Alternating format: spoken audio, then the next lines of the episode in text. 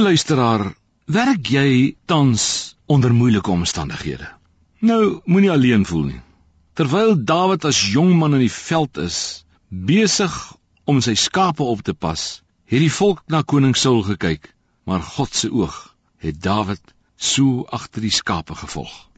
God kyk gans anders as wat die mens kyk.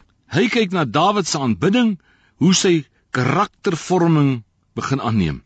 Die oorgawe waarmee hy sy harp en sy fluit speel, dis waarna God kyk. Die manier waarmee hy sy teenstanders, die leeu's en die beere en ongediertes hanteer. Hoe hy vaar in enige konfrontasie. Ek glo dit alles het God laat glimlag. Soveel so dat hy toe al reeds besluit het dat hier 'n Saul se troonopvolger, dat Dawid dit sou wees. Wat sou die mense raak sien?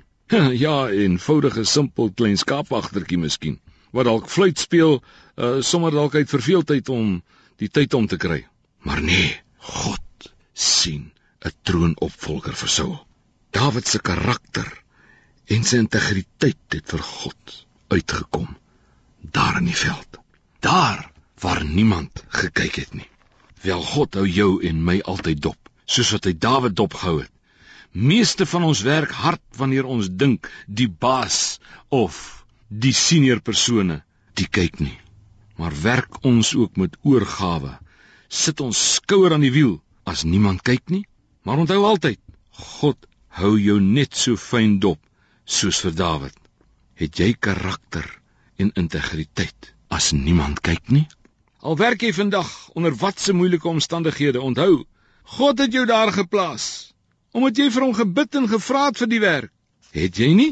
Dit presies is die plek waar hy wil hê sodat jy kan leer hoe om jou teenstanders, jou vyande, jy ook kan begin groei in krag, maar ook in oorwinning.